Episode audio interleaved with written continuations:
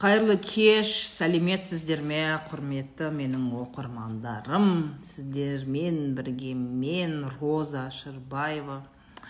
Бүгін міне көптен күткен түнгі шәй жұмада болу керек еді бірақ жұма күні біз ә, ең үлкен форумды ә, аяқтап соның шаруаларымен жүргендіктен ол күні эфир болмады. Сондықтан да бүгін жексенбі күні болып жатыр. Қалдарыңыз қалай? Естіліп тұр ма көрініп тұр ма? Хеллоу хеллоу түнгі шай. Әңгіме жиналып қалды. бір он күндей болды ғой шықпағаныма. Айтатын әңгіме көп. Сіздерді тыңдағым келеді. Қандай сұрақтар бар? Ә, естеріңізге салайын түнгі шай. Ә, бұл эфирде біз бизнесті айтпаймыз. Біз бұл эфирде қарым қатынас өмірдегі проблемалар жаңалықтар өсектер жалпы не болып жатыр осындай мәселелерді жалпы түнгі шай бұл өмір туралы әңгіме. Егер де бизнес бойынша сұрақтарыңыз болатын болса онда вторник күндері сейсенбі күндері болатын бизнес талдау эфиріне келуге тырысыңыздар. Сонымен бастайық. А, апатию чувствую не істесем болады. Мынандай ғой қыздар жігіттер апатия деген мәселе ә, менде ютубта ә, выгораниеден құтылу деген ә, сабақ бар теп деген курс үш сабақ соны барып көресіңдер біріншіден екіншіден апатия это же ничего не хотеть почему ничего не хотим? Мысалы біз постоянно соцсетьте отырамыз иә тик токта отырамыз инстаграмда отырамыз мы листаем сторисы да каждую минуту. Тик ток скроллим постоянно ленту да. И бізде не болып жатыр адамда өзі ә, бес канал болады иә сенсорный иә ол көз құлақ ә, дәм сезу иіс сезу және контакт иә біздің эмоцияларымыз оянады сен ә, бір минут сайын тез тез жаңағы видеоларды скроллить еткен кезде сен успеваешь вот это вот эмоцияны біресе күлесің біресе уайымдайсың ана тик токтың астында боқтап жынданып отыратындар бар иә?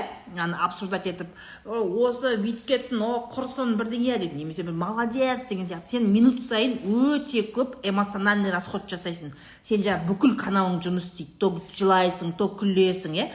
Соответственно ты выгораешь. Сен элементарно эмоциональный не бар сенде. Расходың чересчур көп та миың үлгермейді оның бәрін. Қорытып. Бір жағынан шығып кете алмайсың. Соцсеттен уже есть зависимость да? Бір жағынан қатты шаршайсың. Мына телефонды ұстап алып шаршап отырасың да? Сондықтан да осы мәселеде ақпараттық детокс жасау керек. Выгораниеден құтылу сабағын қараймыз. Әдейі тегін доступ жасап қойғам сіздер. Ә, соны көрсін деп осы проблемаға ә, жалпы осы проблемаға мән берсін деген ниетпен кішкене ә, ақпаратты алу каналдарын реттесін деп ә, жасап қойдым. Сондықтан да көріңіздер кім көрді көргендер бар ма?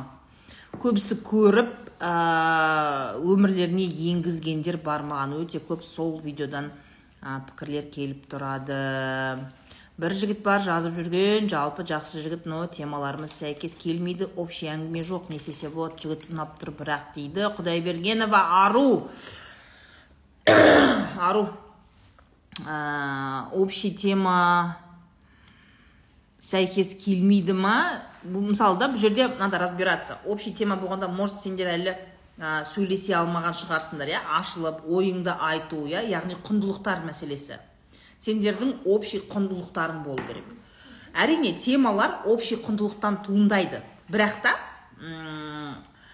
ә, кейде адам ә, жаңадан сөйлесіп жүрген кезде қысылады қыз да қысылады жігіт те не айтарын білмейді иә. А иногда бывает ты общаешься общаешься и бір әңгіменің басын шалсаң кеттің ананы айтып мынаны айтып ше. Солай да болып кетуі мүмкін. Сондықтан да бұл жерде ең басты мәселе қыздар жігіттер. Өзіңізге жар таңдаған кезде махаббат таңдаған кезде өте маңызды мәселе. Ол құндылықтардың сәйкес келулері сендер. Мысалы отбасы туралы ойларың қандай бала тәрбиесі туралы ойларың қандай? Жалпы отбасы қалай құру керек деген кезде сенің жігітің қалай жауап береді? Сен қалай ойлайсың? Мысалы сен ұм, мен үйде отырам жігітім ә, күйеуім маған ақша тауып келу керек мен жұмысқа шықпаймын деген сияқты осындай болуы мүмкін ше ару.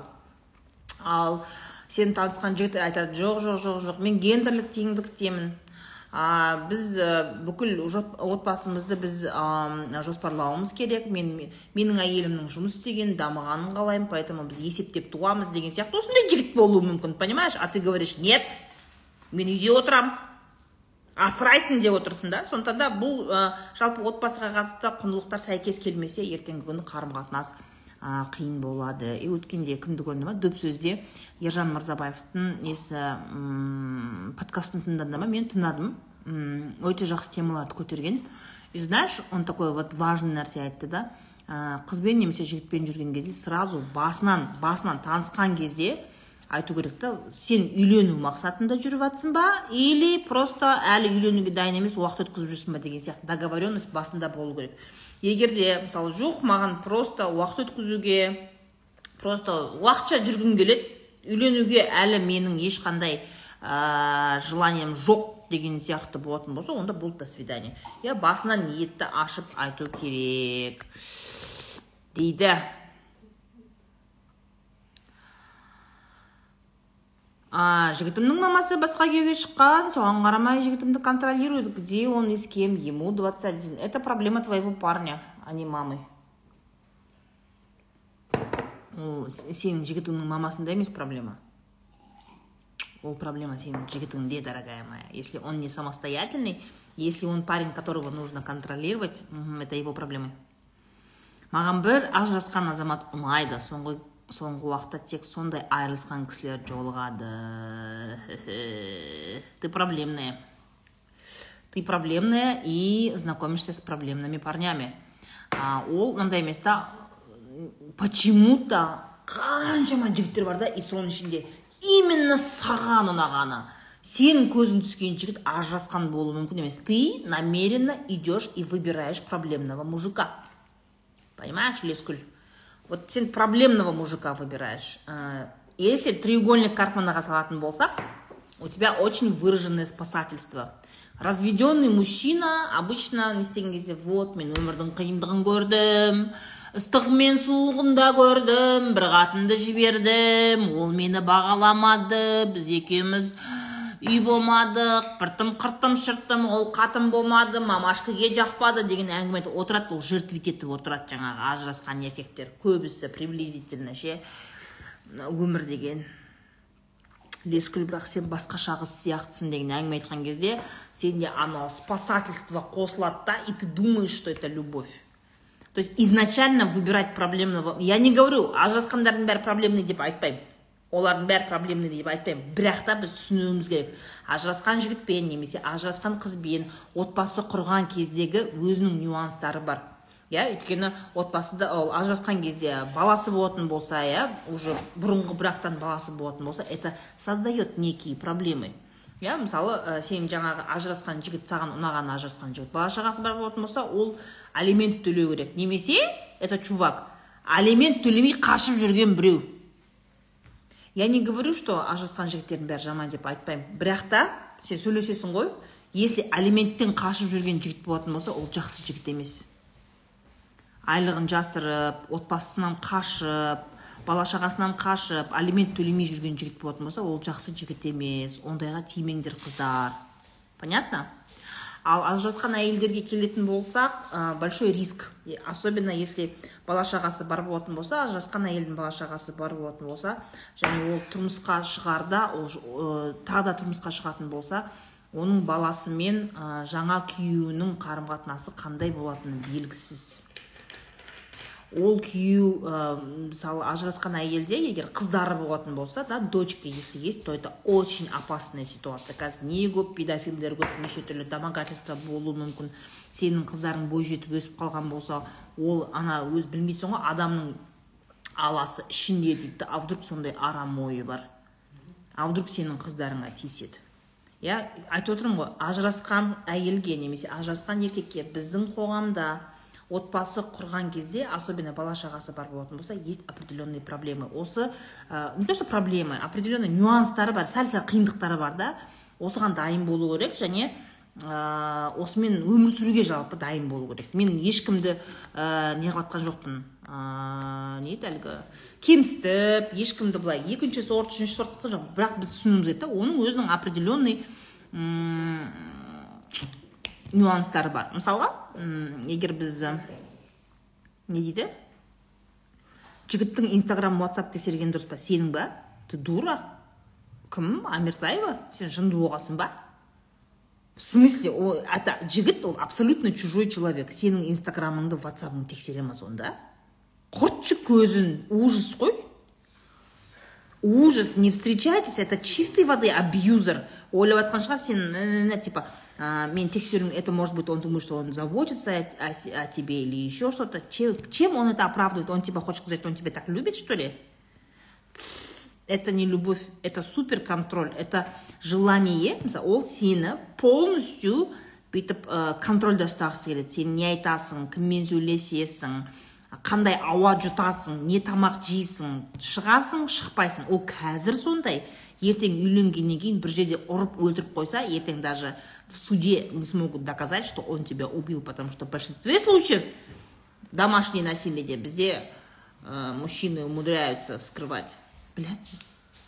Фу осы бар ғой ойнайды осындай қыздарға ше. Сонда қалай сонда сен жігітке бір басқа адамға жігітіңне басқа бір адамға вообще басқа адамға сен қалай өзіңнің телефоныңды бересің тексеруге соны көніп қаласың. Тексерші да маған ұнайды деген. Құмыңды неге қазір еркектер ответственный человек емес көбісі? Потому что мысалы мынандай. Давай мен саған мысал айтайын.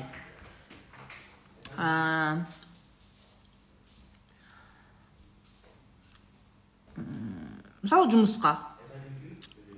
Бір адам неважно әйел болса да еркек болса да жұмысқа тұрады да мысалы бір кассаға банкте кассаға кассир болып жұмысқа тұрады. Сөйтеді де ол енді жауапкершілік қой енді ана тиынның бәрін есептеу керек қателеспеу керек отчетты жүргізу керек.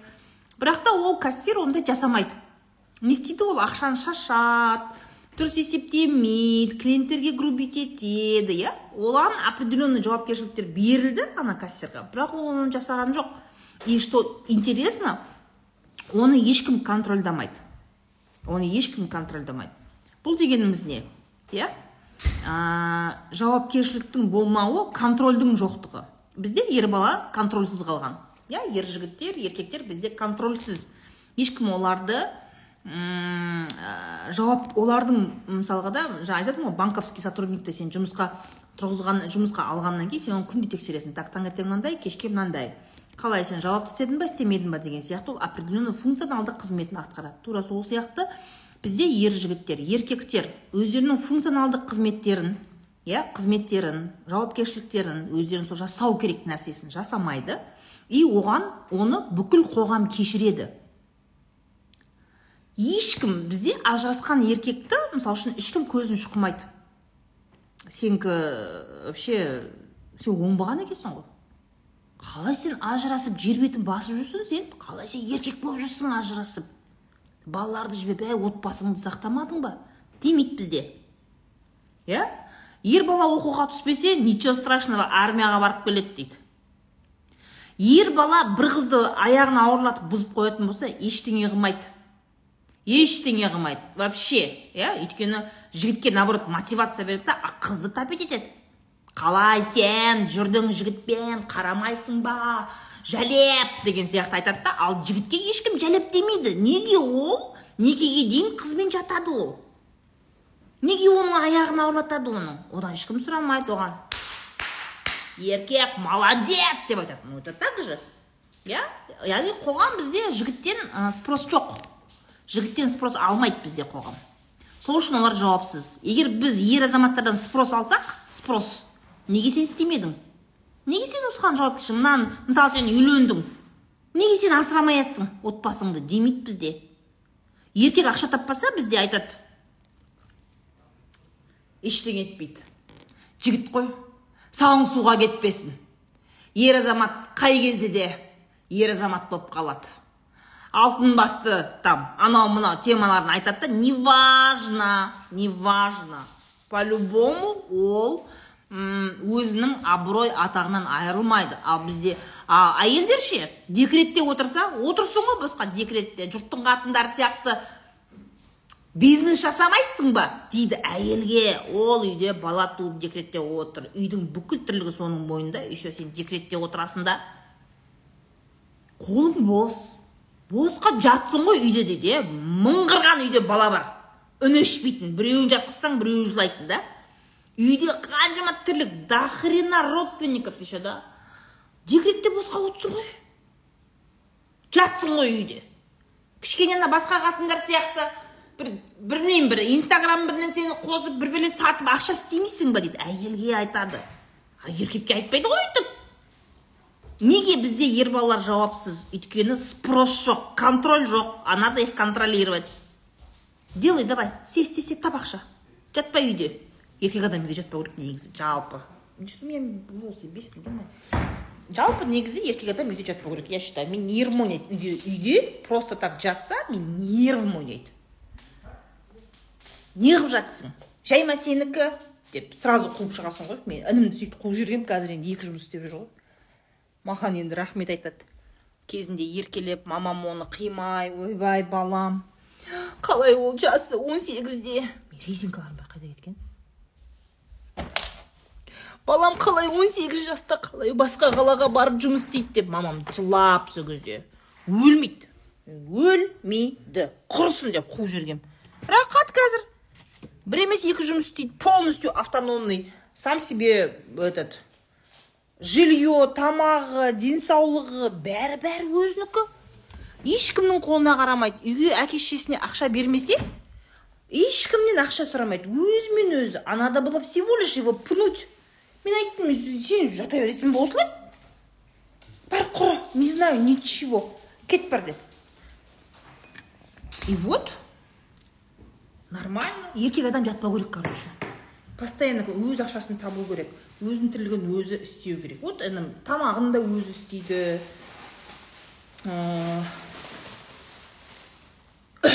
Үйін да өзі жинайды врачына да өзі барады. Все у нас бізде почему то еркек баланың қасына обязательно қатын қосып қояды балаларды ше мысалы үшін. Оқуға түсіп не қылса ойбай тез тез үйлендіру керек ана баланы жүріп қалады тез тез үйлендіру керек. Даже кеңкелес балаларын емдеу емдетпейді ғой мысалы да игроман или қуғынбай балаларын емдетпейді оны үйлендіреді.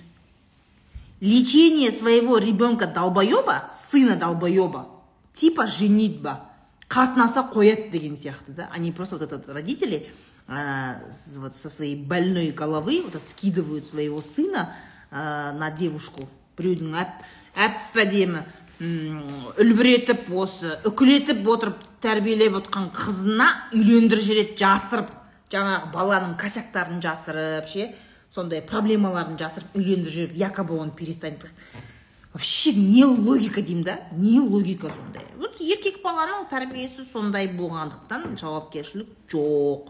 И это большая проблема.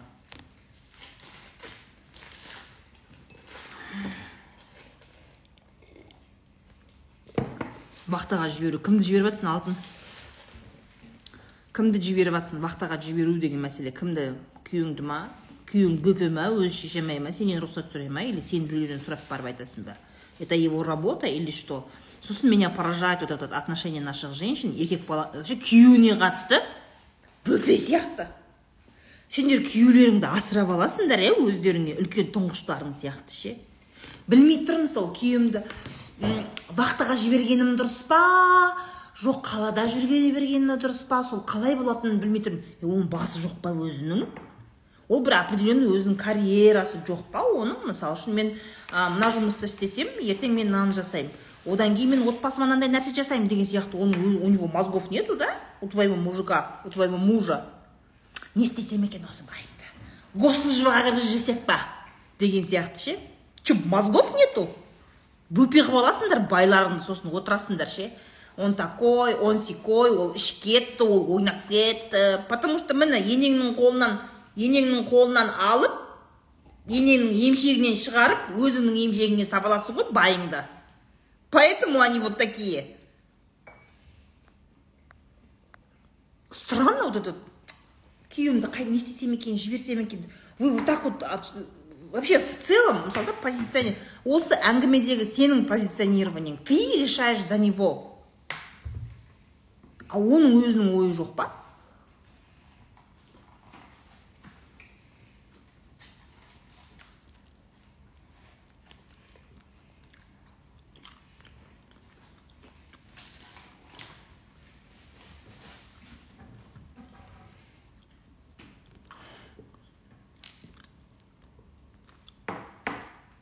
Ешкім менің отбасыма араласпау үшін не істесем болады. Отағасы қайда? Отағасы не істеп жатыр? Оны отағасың айту керек қой. Мужчина защитник. Он должен защищать от внедрения внешнего сенің отбасыңның. Осы жақсы көресіңдер ғой. Еркек деген ол защитник ол. Ол нәзік женственная маткамен дышать ететін әйелді қорғағысы келеді. Еркек ол защитник. Ол қорған әйел адамға деп айтқан. Жақсы көресіңдер ғой қорғасын да. Ана истеричка сервозный әпкелерінен қарындастарынан. Анау жеке шекараны түсінбейтін әлі күнге дейін баласы үйленбеген емшектегі бөпесі сияқты көретін енеңнен. Атаңнан қорғасын да. Если он такой защитник у вас вы же любите вот это вот? Еркек деген ол защитник ол қорғаушы. Оның қасында оның жолын жабуға болмайды. Если мен еркек сияқты болып кетсем ол менімен конфликтовать етеді менімен соғысқа шығып кетеді деген сияқты. Осындай қуғымайский әңгімені жақсы көресіңдер ғой. А? Вы же любите вот это все говорить кәдімгі қорғасын да почему женщина об этом думает? Что за фигня? Неге сендер сөйтесіңдер әйелдер? Неғып еркектеріңе айтпайсыңдар мен мен я не хочу. Это наша семья. Я за тебя замуж выходила. Не за твоих родственников. Я понимаю қонаққа бару анау мынау садақаға барып көмектесу хорошо но блин прости. Я в этом доме хочу жить с тобой. Саған байға тидік қой деп айту керек қыссаңдаршы ана еркектеріңді қысыңдар кішкене анау кішкене қатыссын осындай қарым қатынастың проблемаларына араласып отырсын. Қорғаштай бермей ойбай ойбай оның басы ауырады. Ол ұйықтайды ол. Жоқ әйелдер өзіміз отырып шешуіміз керек деген теманы қойыңдар бұдан кейін. Вообще отбасы отбасы жалғыз саған берілген жоқ жалғыз әйелге берілген жоқ. Отбасы ол еркек екеуің бірге қосылғаннан кейін бүкіл проблеманы бірге шешесіңдер.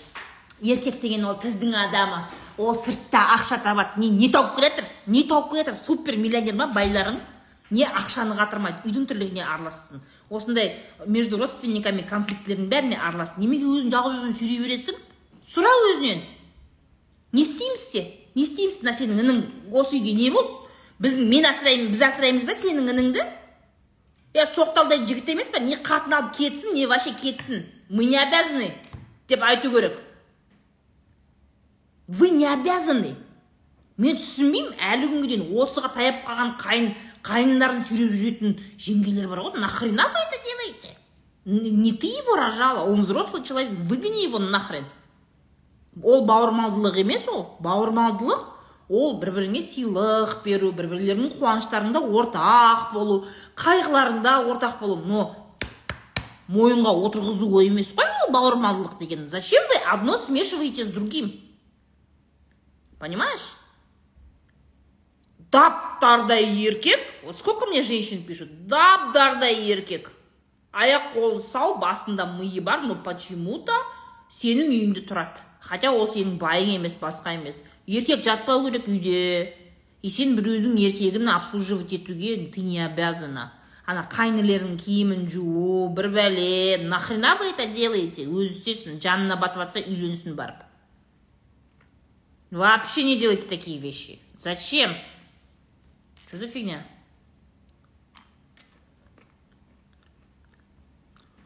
Жиырма сегіздегі қайнымды сендер үйлендіресіңдер дейді дейді. Үйленуге ақшасы жоқ па? Той істемесін понятно? Ақша жоқ па үйленуге той істемесін тойды жалпы байлар істеу керек қой. Кедейлер сендерге той зачем? Зачем вот это кредитке кіріп бес кредит алып зачем вам это надо? Вообще үш ұйықтасаң түсіңе баяғы давно араласпай кеткен адамдар тойға шақырып зачем вам это надо? Кішкене ойлансаңдаршы сәл. Байлар істейді той бай, өз баяғыдан атам заманнан тойды байлар істейді кедейлер істемейді бай дегеніміз ол кім? Ол той істеуге ақшасы бар адам. Сенде жоқ па? Болды бір жеріңді қыс көрдім қыз болды істемейсің. Құдалық істейсің болды. Құдалық анау мына жыртылып жаңағыдай киіт бүйтіп істемейсің. Болды құдалық екі жақ танысып үйленіп қосып кетесіңдер болды. Инстаграмға өзі фейсбукқа суреттеріңді шығарсаңдар бүкіл туысқандар біледі үйленгендеріңді болды. Жамағаттың алдында елдің алдында объявили мен некедемін деген нәрсе. Болды все бір жерлерін қысу керек қой. Зачем вот это все байлар істейді. Бай емессің ба? Істеме тойды. Өйстіп айтқаным үшін бір күні тойхананың бір тойхананың хозяиндары келіп мені атып кетпесін сенің кесірінен қазақтар той істемей бірақ мен мен айтсам да кім айтса да қазақ той істеуін қоймайды кредитке кіріп ше. Бір тойхана бос емес қой шіркін. Ешкім өліп қалған жоқ қой осы пандемияда. Қаншама жастар үйленіп кетті скайппен ақ. Скайппен зумда отырып үйленіп кетті. Бүкіл туысқандарын қосып дым да болған жоқ. Бір содан бір қайғырып бір содан бір кедей болып кеткен жоқ бір жолдар болмай қалған жоқ. Нормально.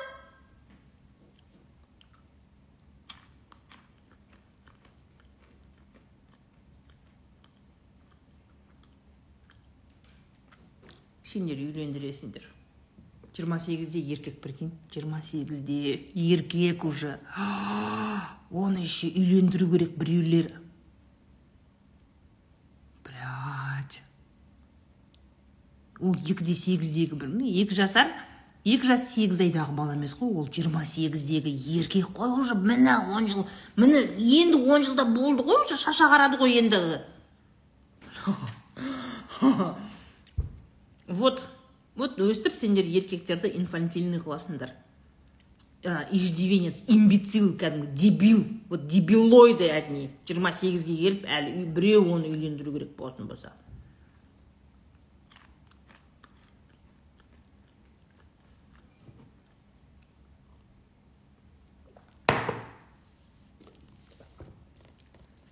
Кім қуады? Мен ба қуамын. Енді көріп отырсыңдар ма?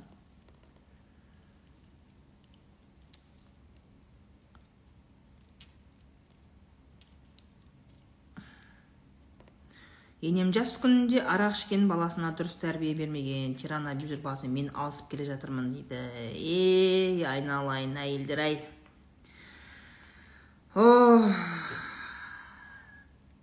Өзі исламда да бар ғой. Исламда да өзі бар жаңағыдай. Ә, қандай неке харам деген мәселеде мен мысалы үшін маған айтады ғой сен елдің бәрін ажырастырып бітетін болдың деген сияқты я вообще мысалы қаншама халқым отыр ғой міне екі мыңнан астам адам отыр осы жерде. Я за семью всегда. Я уверена что любую семью можно спасти. Но если екеуінің біреуі жаңағыдай ой если екеуінің біреуі наркоман игроман яғни лудоман алкоголик және психологиялық ауру болмаса осы төрт случайдан басқасының бәрінде отбасыны можно спасти. Это нужно очень сильно стараться. Екі жақ ойбай жұмыс істеп тұрып екі жақта да қызығушылық болу керек. Иә самый главный фактор отбасы сақтап қалуда екі жақтан да желание болу керек. У нас же женщина только тащит. Бес қадам жасайды еркек бері қарай жүруге қиналады ғой. Отбасын сақтап қалу үшін әйел не істемейді. Я за то, чтобы семьи были крепкие, за то, чтобы ә, максимально отбасын сақтап болу бірақ отбасын сақтаймын деп әйел жұта бермеу керек. Жұта бермеу керек. Бізде еще вот так вот этот кәдімгідей тик токта ә, еркектер кәдімгідей возмущаются. Өйткені еркектер бүйтіп әйел шыдау керек дейді да. Әйел шыдайды базар жоқ шыдайды ғой әйелдің шыдамауында не жоқ бірақ шыдайды болғанда не нәрсеге таяққа оның жүргеніне иә еркектің жәлептігіне ұрғанына ішіп алып қуғанына намысына тигеніне унижать еткеніне осыған шыдау керек па әйел? И они думают что әйел осыған шыдау керек деп ойлайды. Көп еркектер вот натурально сөйтіп ойлайды ше вот они вот уверены в том что женщина должна это терпеть ради семьи. Бірақ олар әй мен әйелімді ұрмауым керек мен ішпеуім керек. Мен отбасылық бюджетті ойынға самауым керек. Мен әйеліме ауыр сөз тигізбеуім керек. Деген нәрсені айтпайды. Әйел мен соны істей беремін я буду это продолжать. А әйелім соны жұту керек деп ойлайды. Көп еркектер сөйтіп ойлайды. У них вот у них в голове это сложно. Они думают что это нормально. Бір жағынан мен түсінемін да оларды. В каком плане түсінемін? Олар неге мені түсінбейді? Мен жақта тұрмын сен есің дұрыс па? Е қатыныңды ұрма е. Сен қуасың ба? Ұрма қатыныңды. Е оның жанына ауыр сөз айтпа сен есің сенікі дұрыс емес десем сен отбасыларды ажыратушысың дейді да. Блядь сен далбайып әйеліңге қол көтересің. Проблема не во мне проблема в тебе. Ты не умеешь уважать вообще отбасыны құрметтеу әйелді құрметтеу деген проблема жоқ қой сенде. Проблема сенде ғой. Шырағым ау. Я при чем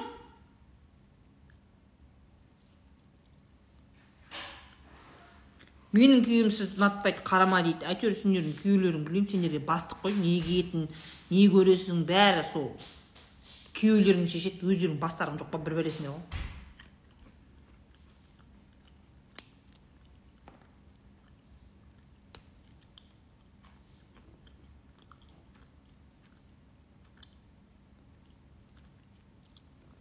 про инвестиции пожалуйста бизнес разбор эфирінде бүкіл ақша инвестиция жайлы мәселелердің бәрі бизнес разборда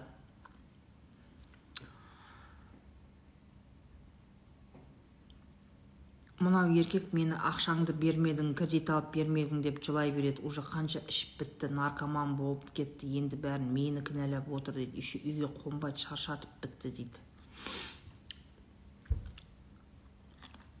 у нас в обществе такие ужасы происходят Такие ужасы с женщинами происходят. Не с мужиками, а с женщинами.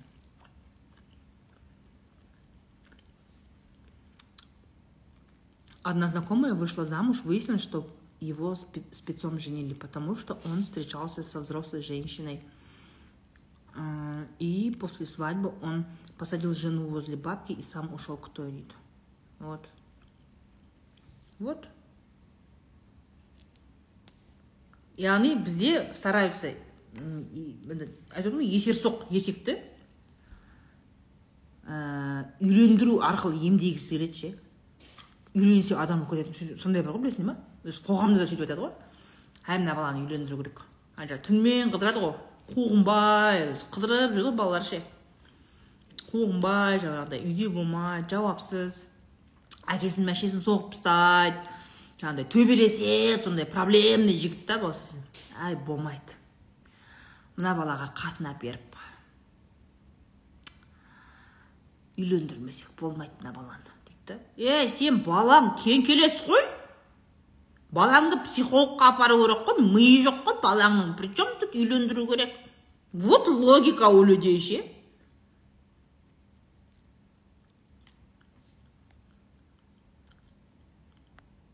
мұнда жігіттер бар ма бар иә жігіттер иә үндемей отырмай бір жазсаңдаршы кім жігіттер бір бір мына жерге бір бір смайл ма бір бірле жазып жіберіңдерші менен қорықпайтын менің слушательдарым бар негізі жазыңдар жігіттер ей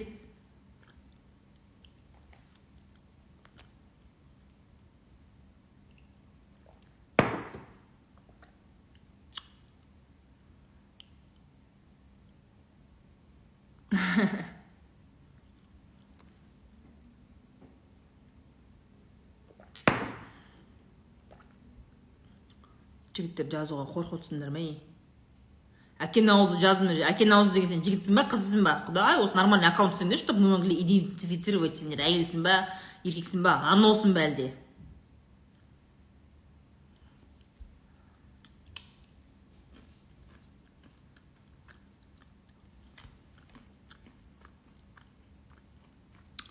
Енем сол бауырдың арасын аштың деп араласпайды бізбен қуып жібердім деп дейді. Вот у нас енешки любят скидывать этот, свою ответственность свои проблемы на келін сәл емес пе мен жігітіммен үш ай жүріп жүрдік дейді. Оның үйленуге деген серьезный ойы болған соң бұрын ажырасқанын айтты. Мен қалай қабылдасам болады? Ой тлепова а из-за чего он развелся? Вопрос. Конечно если айтатын шығар ә, мен емес қатын сондай деген сияқты это все уже қашу керек там нужно смотреть он разве неге ол жасырады значит он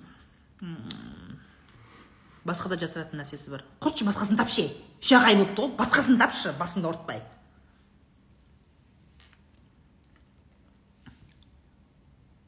мақта қыз талдаңызшы мақта қыз деген не сказка ма несін талдаймын оны. Мен мақта қыз мысықтың құйрығын жұлып алыпты деген ба?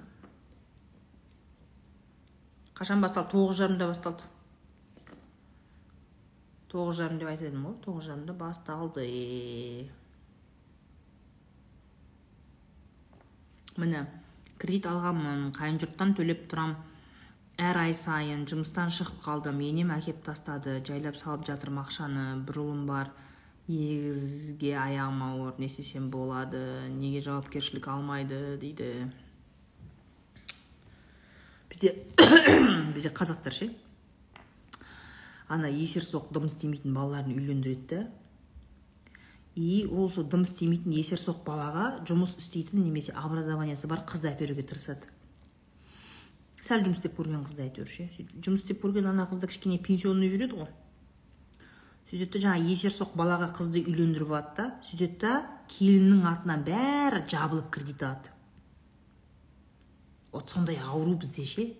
Келіннің атынан кредит алады о бейшара өзі туып өзі жаңадан келін болған үйтіп бүйтіп декретке шығып алды миллионмен. Соны оның декреттің, декреттің ақшасына охотаға шығады бүкіл семья. Сол келін келгенге дейін де тіршіліктерін қылды ғой. Жоқ бәрі соның көтін аңдып соның ақшасын аңдып отырады не әдет сол? Мысалы келіннен біздің қоғамда келіннің барлық нәрсесін алып қояды ғой.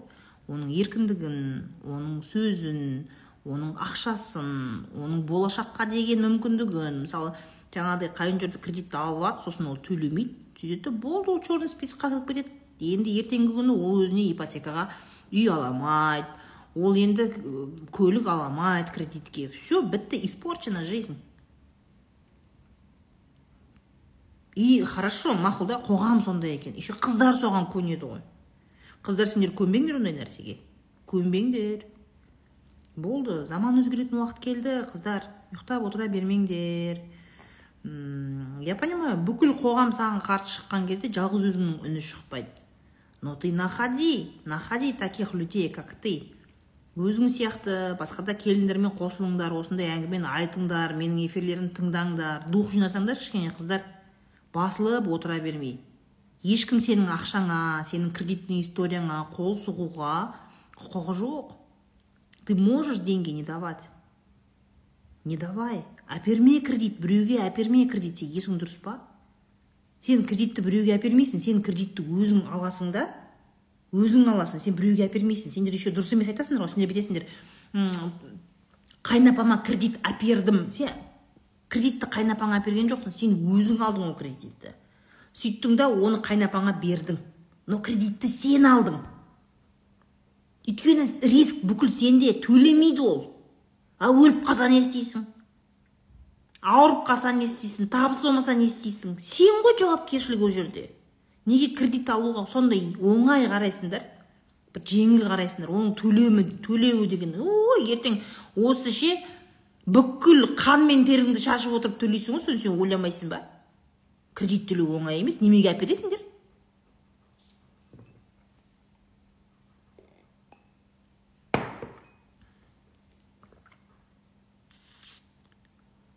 Күйеуім кредит алдырып тастап кетті. Екі миллион қарыз еще жеті айлық баламен дейді.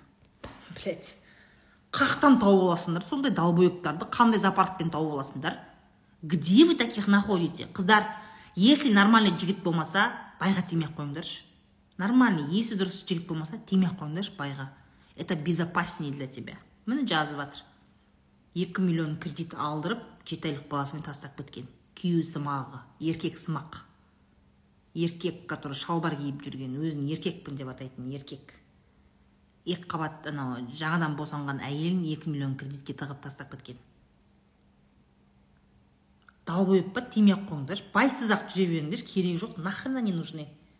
Сапа нормальный сапалы жігіт қалмады ғой. Не істейміз не істейміз бәрін бүкіл сол долбоебтардың бәрін жинап бір білмеймін бір сахараға бір жерге бір қой қора ма бір мал қора сияқты бірдеңе соғып соның ішіне кіргізіп жіберіп бар ғой. Соны ой бір қинайтын ше соларды бар ғой қашан ми кіреді ол еркектерге? Это же ужас же. Әйелдер сендер просто мына айтып жатырмын ғой. Кез келген игроманның бірінші спонсоры әйелі мен шешесі. Әйелі мен шешесі.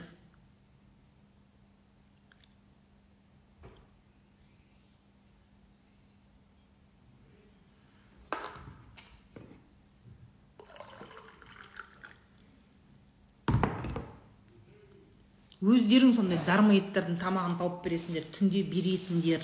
Далбойып күйеулеріңе ше тамағын бересің оның киімін бересің қуып жіберсе берме оған немеге бересің? Тамағын да берме жоғал де құрт көзіңді. Не пайдаң бар сенің? Дым әкеліп жатқан жоқсың не ақшаң жоқ не басқа жоқ. Не үшін сен қалай еркек болып жүрсің деп? Неге? Өйткені айтып отырмын ғой жаңа әңгіменің басында эфирдің басында айттым иә. Еркектің үстінде контроль жоқ. У него спроса нету. Қайда? Ақша қайда? Отбасы қайда? Сөзің қайда? Уәдең қайда? Некеге берік болам дегенің қайда? Қайда адам болам дегенің қайда? Жоқ па? До свидания. До свидания. Бірақ та қыздар еркекке еркектің екі аяғын бір етке тығу үшін сенде ақша болу керек. Сенде не вагон вот вагон дух болу керек та сенде ше немесе ақша болу керек. Или может сен спортсмен шығарсың по вольной борьбе білмеймін боксер болатын болсаң сабап тастатасың іледі бытшын шығарып ше. Но если ол болмайтын болса мысалы сенде күш жоқ сен жаңағыдай спортсменка емессің сенде вагон духа просто өзің по жизни сондай бандитка қыз емессің. Үшінші вариант ақша. Ақша просто понимаешь? Ақша. Ақшаң бар ма? Сен все сразу до свидания дейсің ғой. Е миымды қатырмашы. Еркек сенің еркек деген атың ғана еркек. Істейсің ба қимылыңмен әрекетіңмен көрсет вот так надо.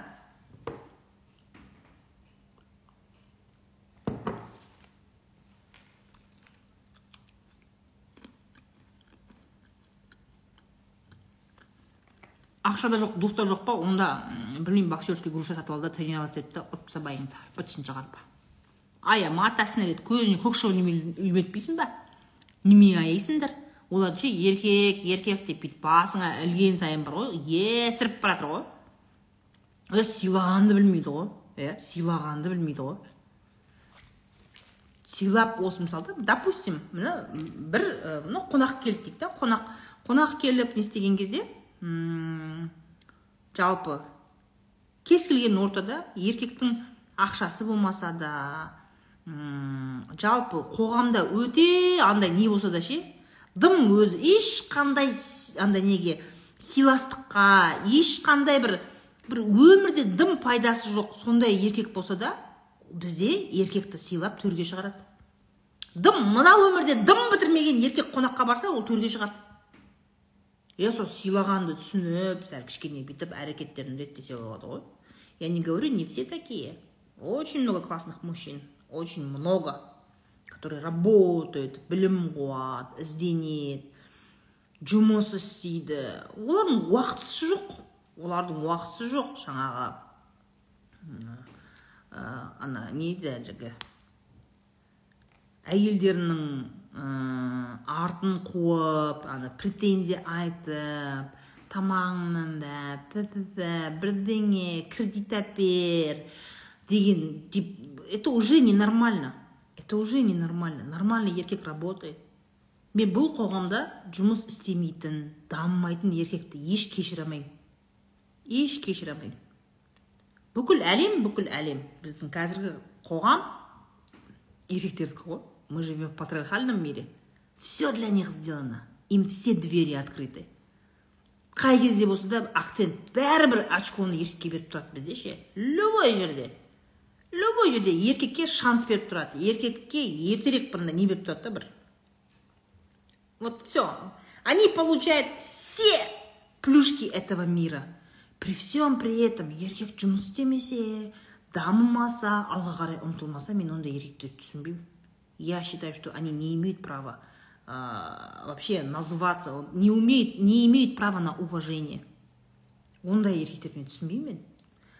Жатады жаңағыдай дым істемейді сылтау мың сылтау өкімет мынандай мынау мынандай әкем маған мал қалдырған жоқ бір бәле дейтін сылтаурататын еркектер я вообще не понимаю. Весь мир для них бүкіл мүмкіндік соларда еркек тумайды. Тумайды ғой. Мысалы әйел білімді алады оқиды диплом алады жұмыс істейді екі қабат болып семіріп ішінде баласы жеті сегіз айға дейін өліп жұмыс істейді. Туады еще баламен отырады сөйтіп отырып онлайн отырып тағы жұмыс істейді. Әйел дофига чего делать он же даже не рожает. Мужик даже не рожает. Какие у него есть препятствия я не понимаю. Еркекке қандай еркектің алдында тұрған қандай препятствие бар? Қандай оның вот әйел мысалы үшін да егер екі екі адамды айтатын болсақ карьера. Карьера қуатын әйел и еркек дейік. Әйелге қиын карьера қуу. Оның проблемасы көп. Ол күйеуге тиеді ол келін болады ол бала туады ол басқа да. Е мынау ештеңе істемейді ғой. Он в этой жизни все выигрывает. Ол үйлене ма? Тіпті жақсы. Бүкіл киімін жуып түнде береді әйелі. Бәрін істейді. Ему надо только работать. Иди. Оқы развивайся работай нет же жатып алады үйде. То ему то то ему это то оған екінші қатын керек тағы бір бәле керек. Слишком много что то им надо. Басқа басқа мен тура бұл қоғамда менің жолым болмай жүр менде мүмкіндік болмай жатыр деген еркекті еш кешіре алмаймын ондай еркекті еш кешіре алмаймын. Ол өтірік.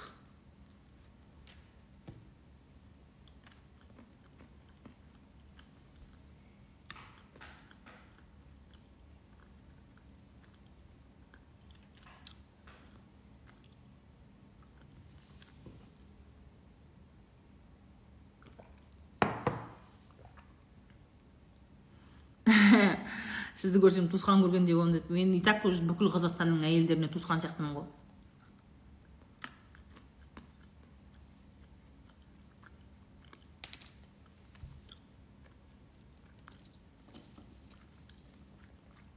Бізде әйелдер бар ғой.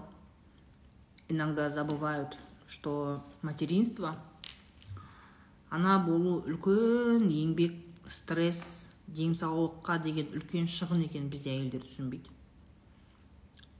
Негізінде ол не ғой елдің бәрін айта беретін типа әйел ә, жаңағыдай туса жасарасың туған пайдалы там бір бәле өтірік әңгіме ғой просто көздеріңді ашып қараңдаршы туып болып аттай болып жүрген әйелдер өте кем ғой это очень мало знаешь вот это вот ол үлкен бір генетикалық генетикалық повезло ғой ол просто бір генде бір что то повезло. Но основная масса женщин очень сложно переживают беременность и роды. Үлкен стресс организмге. Бірақ бізге врачтар да өтірік қатындар да ана жеңгелер ана ауыздарында тісі жоқ шаштары ұйпа тұйпа жеті сегізін туып тастаған жеңгелер. Ту! Жас кезінде туып ал. Ту ту ту ту. Туа бер туа бер ертең өздерін өздері сүйреп өсіп кетеді көресің осыдан. Мен айтты дейсің ғой деп ше. А какой это ужасно это очень сильная нагрузка для женщины. Организмға үлкен нагрузка. Сен қандай грузды көтеріп жүресің тоғыз ай ше? Одан кейін туғаннан кейін құдай разрывпен тусаң бітті не астыңмен алысасың ба? Одан сүт келген кезде емшекпен алысасың ба? Қиын ғой бұл.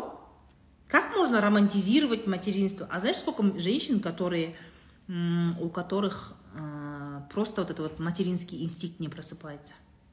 Ондай әйелдер көп. Бірақ бізде жасырады оны айтпайды әйелдер қорқады айтуға. Өйткені сондай агитация айтылады ғой. Ана болу бақыты. Ана болсаң жасарасың ана болу деп айта береді айта береді. Ол үлкен бір білмеймін это әрбір туған әйел біледі ғой ол өте қиын. Бізде әйелдер өздерінің сол ана болу процесін бір обесцениваете вы это?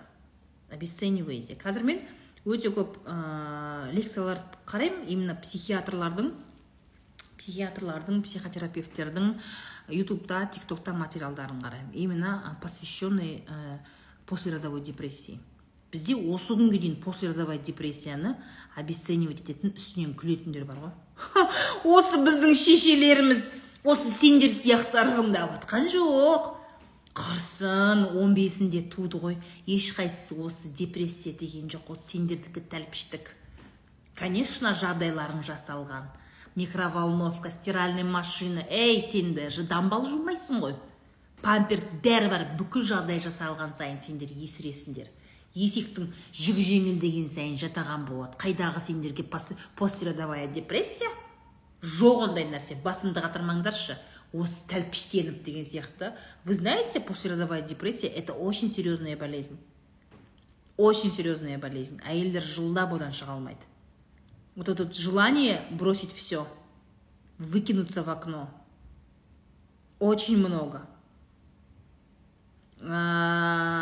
Расында мынандай әйелдер бар. Туғаннан кейін өзінің баласына жаңағы ә, материнский инстинкті оянбайтын әйелдер бар.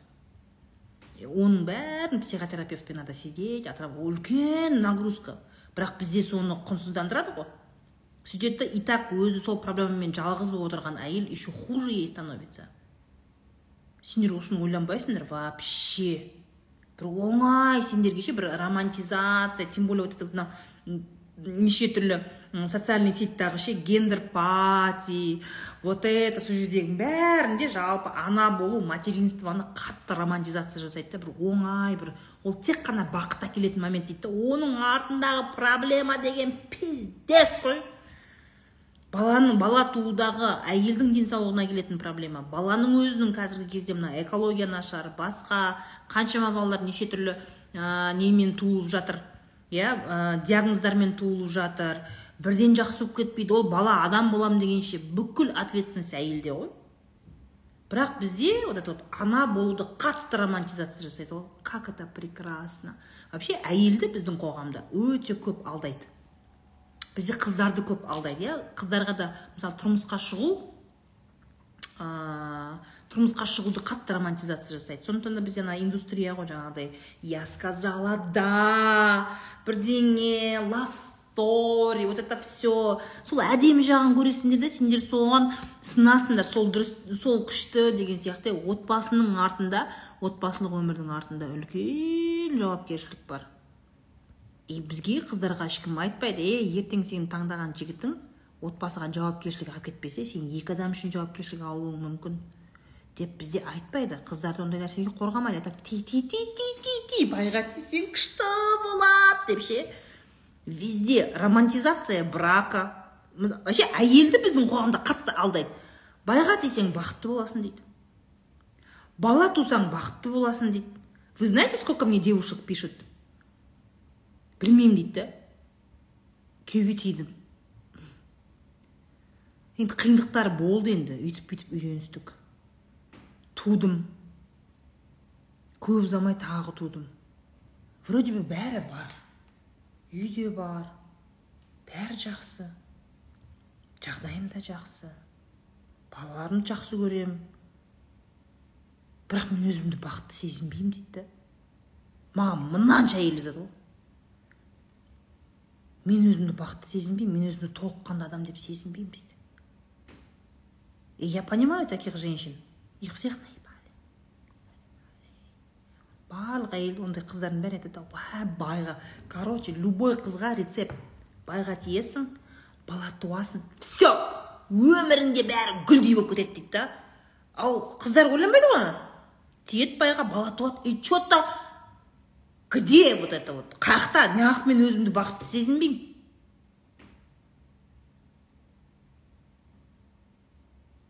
Неғып дейді да. И она не может понять вроде бы все общество бүкіл қоғам маған обещать етті ғой. Байға тисең бала тусаң бақытты боласың деген сияқты. Но что то не то да не то. Почему? Потому что үйленгеннен кейін бала туғаннан кейін тек қана әйелдің өмірі өзгереді. Еркектің өмірі өзгермейді поэтому у него не бывает депрессии. У него другая форма депрессии. Бірақ үйленген кезде еркектің өмірі никак өзгермейді. Он как был дармоедом так и остался. Вот ол шешесінің емшегінен әйелінің емшегіне өтеді. Осы, осы уақытқа дейін шешесі тамақ істеді соның киімін жуды соның ә, соның киімін үтіктеді қыстық киімдерін салып жаздық киімдерін шығарды дәрісін әкеліп аузына тосып берді тамағын берді. Шешесі сөйтіп әлпештеп өсірді да сөйтті да әйелдің қолына мінгізіп жіберді. Әйел енді оның бүкіл киімі тамағы бәрін істеді еще плюс бонусом у него бесплатный секс. До того, как он женился, ему надо было платить, да, проститутку снимать. Теперь, пожалуйста, бесплатный секс. У мужчины жизнь никак не меняется. Зато әйел ол басқа өмірге барады. Ол почему то басқа еркек үшін соның тамағы киімі үшін жауапкершілік сразу соның мойнына отырады да. С хрена ли? С хрена ли? Таптардай еркек а че он до этого не умел убираться за собой? Өзінің артынан унитаз жуамайтын ба еді ол? У нас у женщины максимально меняется жизнь. Вдруг обслуживающий персонал кетеді одан туады одан дальше дальше. У женщины дофига жизнь меняется. Өте қатты өзгереді ол кеше ғана жайдары жеңіл ешкімге жауап бермейтін әп әдемі жеңіл өмір сүріп жүрген біреудің сүйкімді қызы еді ғой. Почему она теперь стала служанкой няней обслуживающим персоналом? И ол түсінбейді да кешегі өмірім менің күшті еді ғой. Неғып маған өстіп байға тиіп бала тусам бақытты болсын деп айттыңдар. Мен байға тигенге дейінгі өмірім күшті еді ғой менің дейді да любой әйел сөйтеді да понимаешь?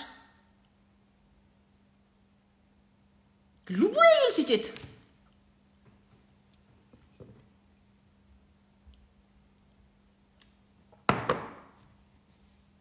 так что еркектеріңді жұмсаңдар. Өздерің этот жүгіріп неғыла бермей балаға қарасын тамақ істесін үй жинасын. Он тоже ответственный за это. И вообще өзінің киімін өзі дайындасыншы зайбал. Я не понимаю мужиков которые говорят мен киім дайындап қойдым ба? Мен киім үтіктеп қойдым ба? Мен ан, кірімді жудым ба? Бар жина машинкаға сал.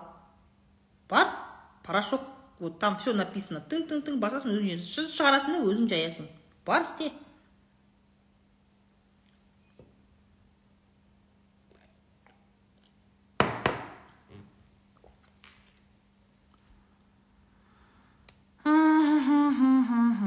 Үйде отырмаңдар қыздар. Жұмыс істеңдер ақша табыңдар. Жаңағыдай бытовой проблеманы күйеумен бірге шешіңдер өздерің мойындарыңа ала бермей. Бала тәрбиесіне қатысты мәселені де бірге шешіңдер. Барлық нәрсеге бірге қатысыңдар вот сол кезде отбасы боласыңдар. А так только әйел жауапты еркек лежит на диване нет нет. Ол жерде не әйел өледі денсаулықтан құрып не ажырасуға барасыңдар. Понимаете? Человек бір адам бір әйел бүкіл нәрсені мойнында алып жүре алмайды ол сынады бір күні. А тебе это надо?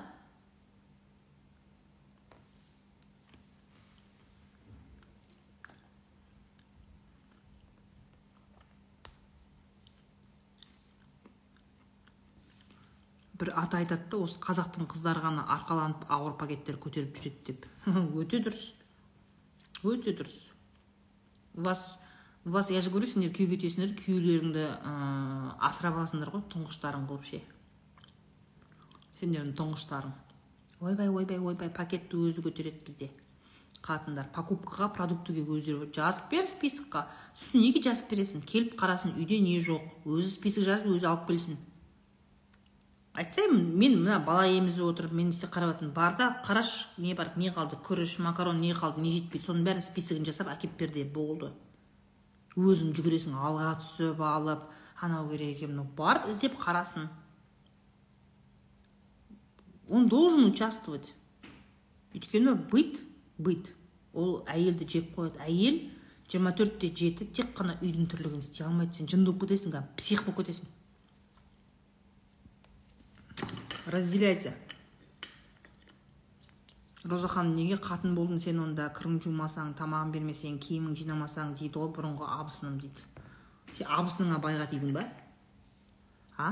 Абысыныңа байға тидің ба? Оны сен әңгімені сен байыңмен сөйлесесің ғой. При чем тут абысының? Лақпай отырыңдаршы қыздар е бірдеңе а десе б деп мен не деп отыр домбырам не деп отыр.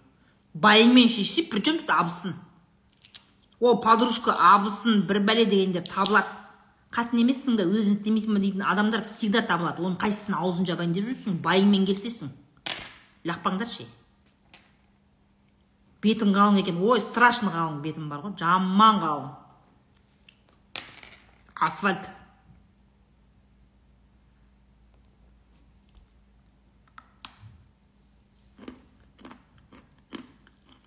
Бізде еркектер сразу ойбайлап шығады. Олардың огородына тас лақтырсаң ше? Деп шығады сразу ше? Е қара үйдің тірлігіне қатыстың кезде еркек деген! деп шығады сразу бар ғой. Еркектің жұмысы не негізі жалпы? Жұмысқа барып келуден басқа не нәрсеге жауап береді? Вообще оның шаруасы не мен түсінбеймін. Мысалы допустим даже да вот сколько раз я говорю қазақтың дәстүрі осы қазақтың дәстүрі деген қалып бара жатыр келіндік қызмет деген нәрселер бәрі қалды ғой. Қонақжайлық деген нәрселер дейді да. Қара келіндік қызмет деген женщина припахивает. Хорошо қонақжайлық қонақты кім күтеді әйел күтеді. Еркектердің бәрі отырады. Мешке үйленіп қарындарын сипап ет жеп бауырсақ жеп отырады. Қонаққа келе ма? Келіп отырып просто кетеді. И еркектер бәрі жиналып алып осы қазақтың деген салт дәстүрлері қалып бара жатыр ғой соңғы кезде. Қазақ болудан қалып жатырық қой. Келіндік қызмет деген жоқ болып бара жатыр осы. Қонақ жайлық деген осы соңғы кезде. Қонақ шақыруды қойдық дейді. Шақыр! Біз бізде вообще бізде қазір еркекке қатысты салт дәстүр бар ма? Маған айтып беріңдерші еркек қазіргі мына заманға сай еркекте еркекке қатысты салт дәстүр бар ма бізде? Біз неғып осы әйелдер отырып алып айтпаймыз бізде отырып осы еркекте қазақтың дәстүрі деген қалып бара жатыр ғой. Мына еркектер атқа шабуды қойды садақ атуды қойды құрсын жатады деген біз айтпаймыз ғой ондай нәрсені потому что қалада ешкім жылқы ұстамайды мал ұстамайды садақ атпайды ешкімді өлтірудің қажеті жоқ. Не қалды еркекке? Осы еркектер бір бәле болды салт дәстүр деген кезде сразу әйелдің киімі әйелдің тамақ істеуі әйелдің байға тиюі қанша жаста ажырасуы бәрі әйелге қатысты. Бізде бүкіл салт дәстүр только әйелге қатысты. Баяғыда осы қыздар деген баяғыда қазақта ажырасу деген болмаған қазіргі кезде осы біздің салт дәстүрімізді бұзып бітетін болды осындай европаға қараған қыздар деген сияқты ше. Сразу бір бәле болатын болса әйелдер баяғыда осы біздің әжелеріміз зере апаларымыз өсіп киінбеген қазір деген ей еркекке қатысты бар ма? Маған айтыңдаршы дәстүр бар ма еркекке қатысты? Бізде сұрайықшы спрос бар ма еркекке? Төрде қонақпен қонақпен отырады вот именно. Маған айтыңдаршы бар ма еркекке қатысты? Бізде сұрайықшы салт дәстүр.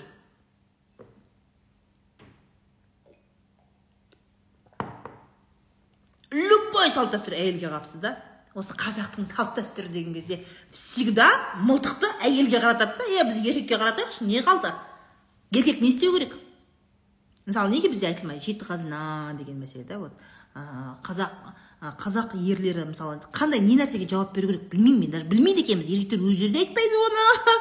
Бізге де айтпайды. Өздері де білмейді.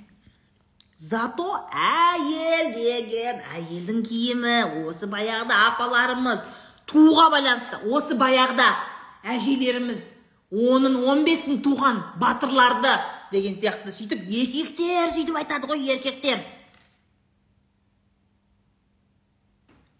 Бізде салт дәстүр әйелдің тууы күйеуге тиюі баяғыда қыздарды он үш жасында берген деген сияқты. Ой сорым. Педофилдер айтты сонда. Мен айтамын ей қыздар ей сорлы қыздар жиырмаға дейін күйеуге тимеңдер. Жұмыс істеп сабағыңды оқып жұмыс істеп барып күйеуге жиырмаға дейін күйеуге тиюші болма десеңші.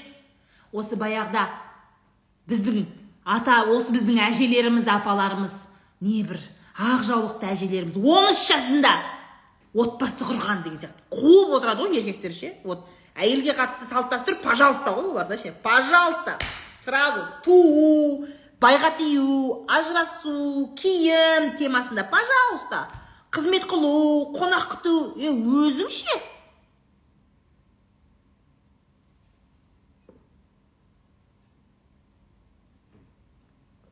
Өздері ештеңе істемейді ғой. Еркекке қатысты салт дәстүр айтып беріңізші біз де сұрап отырайық. Мал сояйын десең қазір етті килограммдап аласың мал соя мал союды үйретейін десең етті килограмммен аласың. Так мал бағудың қажеті жоқ. Садақ ату зачем? Енді не қалды? Охотаға бір сегіз сағаттық жұмысы ма? Оны да қатырмайтындар бар ғой. Не қалды еркекке? Дымы жоқ қой дым істемейді.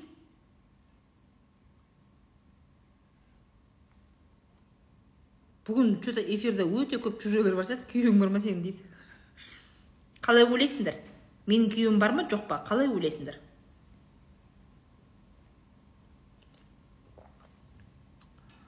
Пышақты да өзіміз қайраймыз ғой. Пышақты да өздерің қайрап жүрсіңдер ғой сорлы қатындар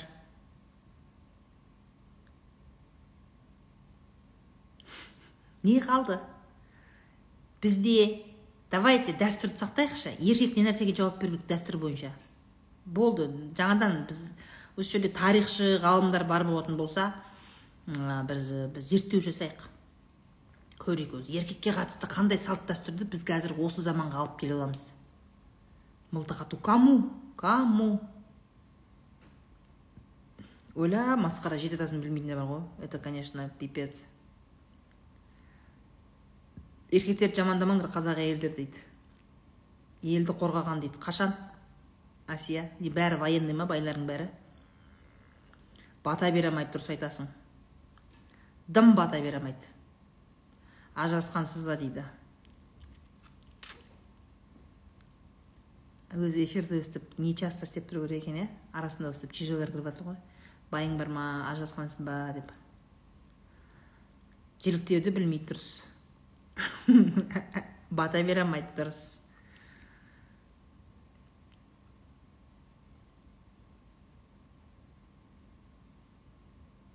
вот.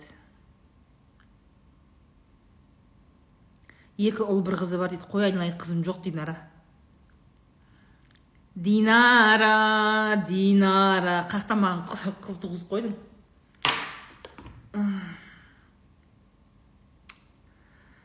Ох.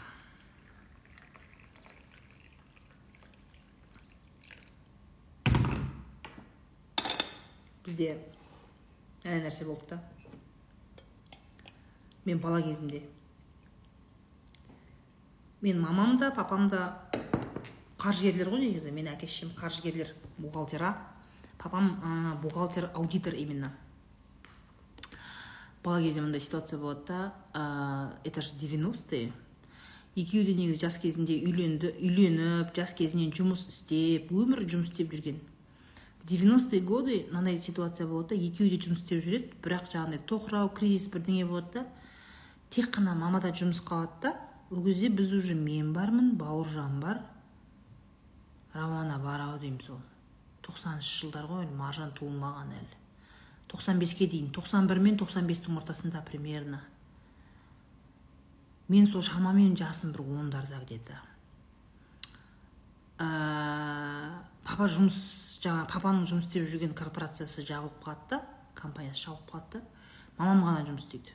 Сонда енді тоқсаныншы жылдар и так жұмыс жоқ қой. Жұмысқа кешігуге болмайды жұмыста косяковать етуге болмайды. Любой момент жұмыстан шықпасаң бітті айлықсыз қаласың. И это такой кризис был. Зарабатывала только мама получается и папа үйде ол кезде менің інім бар ғой. Сексен алтыда менің інім болған екі мың бірде қайтыс болған. Ол кезде менің інім ауыратын дцп ғой сонда папа үйде отырып ә, сол баламен он занимался. Жаңағы лфксын бәрін істейді бізге тамақ істейді. Ә, мені маған үйретеді маған тамақ істеп үйрететін еді. Қызым мен нан саласың енді нан саласың ба? Жүгіріп көріп келші ана қарап үш минуттан кейін қазан қайнайды дейді. Ол действительно ойын түрінде маған үйрететін еді. Сөйтіп екеуміз үй жинайтын едік. Папам екеуміз ше. Сондай қиын нелерде сол ауру балаға қарайтын бізге қарайтын тамақ істеп үйрететін. Сонда мен байқаймын да мен кейін оны байқадым. Мен мысалы өстім он бірінші класс бітірдім өстім. Қарасам сол тоқсаныншы жылдарда көбісінің әкелері ішіп кеткен. Әкелері ішіп кетеді да жаңағы әйел әйтеуір сауда істейді әйтеуір жұмыс істеп ақша табады да көбісінің әкелері ішіп кеткен. А у меня папа не делал так. Ол сол кризисный моментте қорған болды бізге. Үйге қорған болды ол. Мамам жұмыс істеп жүр жұмысқа барып келеді жұмыстан айырылып қалса бізде вообще ақша болмай қалуы мүмкін. Еще бізге қорған болды. Мы можем мысалы да сол заманда мүмкін ә, менің папамды сыртынан көрген адамдар айтатын шығар ой бұл үйдің тірлігін істеп жүр қатын сияқты деп айтатын шығар. Бірақ қарап отырсаң ол отбасын қорғады. Жұмылып бірге жұмыс істеді. Мен сондай нәрсені көргенмін. Понимаете? Яғни жұмылып істеу жұмылып тірлік бітіру ә, жұмылып проблеманы шешу сенікі менікі еркектікі әйелдікі деп бөлмей. Андай өтірік сасық көкірек өтірік намыссыз ештеңесіз. Қиындық келді ма болды. Тез тез тез тез. Ананікі мынанікі демей конкуренция жасамай бір бірімен сөйтіп көтеріліп кету. Мен көзіммен көрдім осы тәрбиені. Я очень благодарна своему отцу.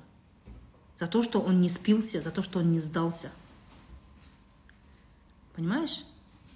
Естественно біз үйде үш қызбыз біз үш қыз болғаннан кейін міне еркек адамды сен отбасында қандай еркек адамды көресің?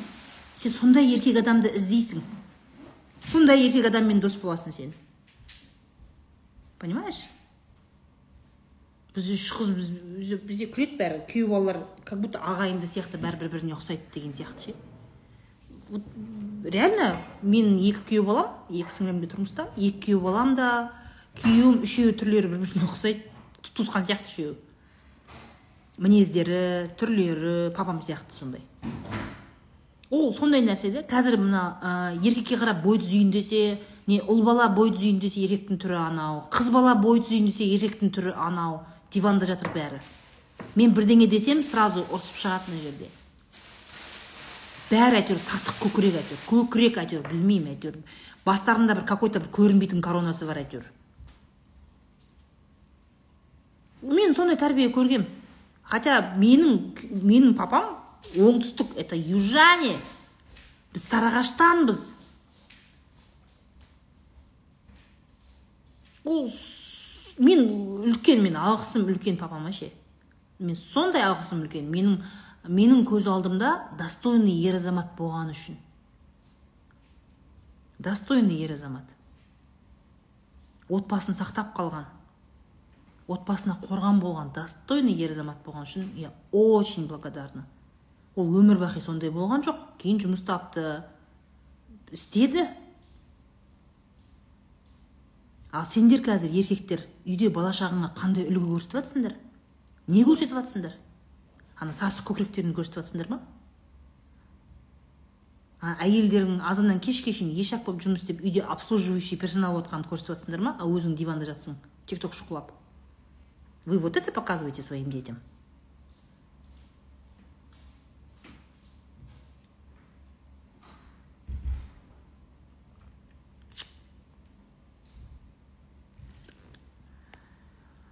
Күйеуіңіз сізден қорқып сөйлейтін шығар дейді. Знаешь ә, сендер бүйтіп ойлайсыңдар сендер андай еркін отбасылық серіктестікті көрмегенсіңдер.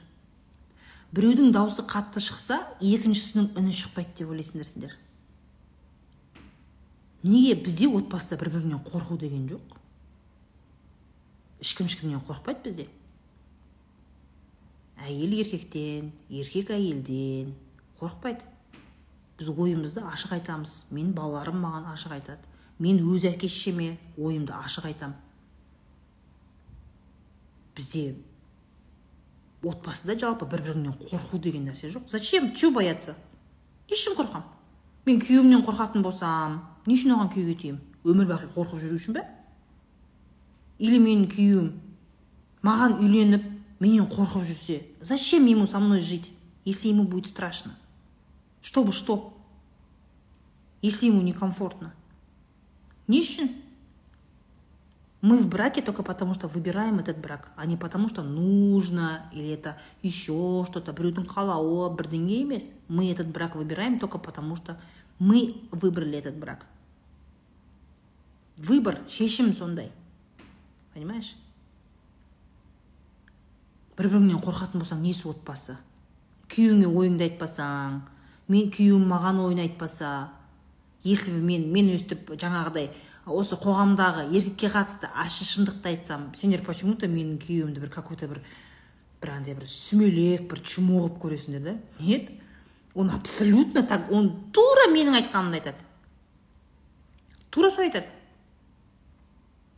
Ойымыз бір жерден шыққаннан кейін сол. Балаларым да естиді жүр ана жерде. Прекрасно знают чем я занимаюсь.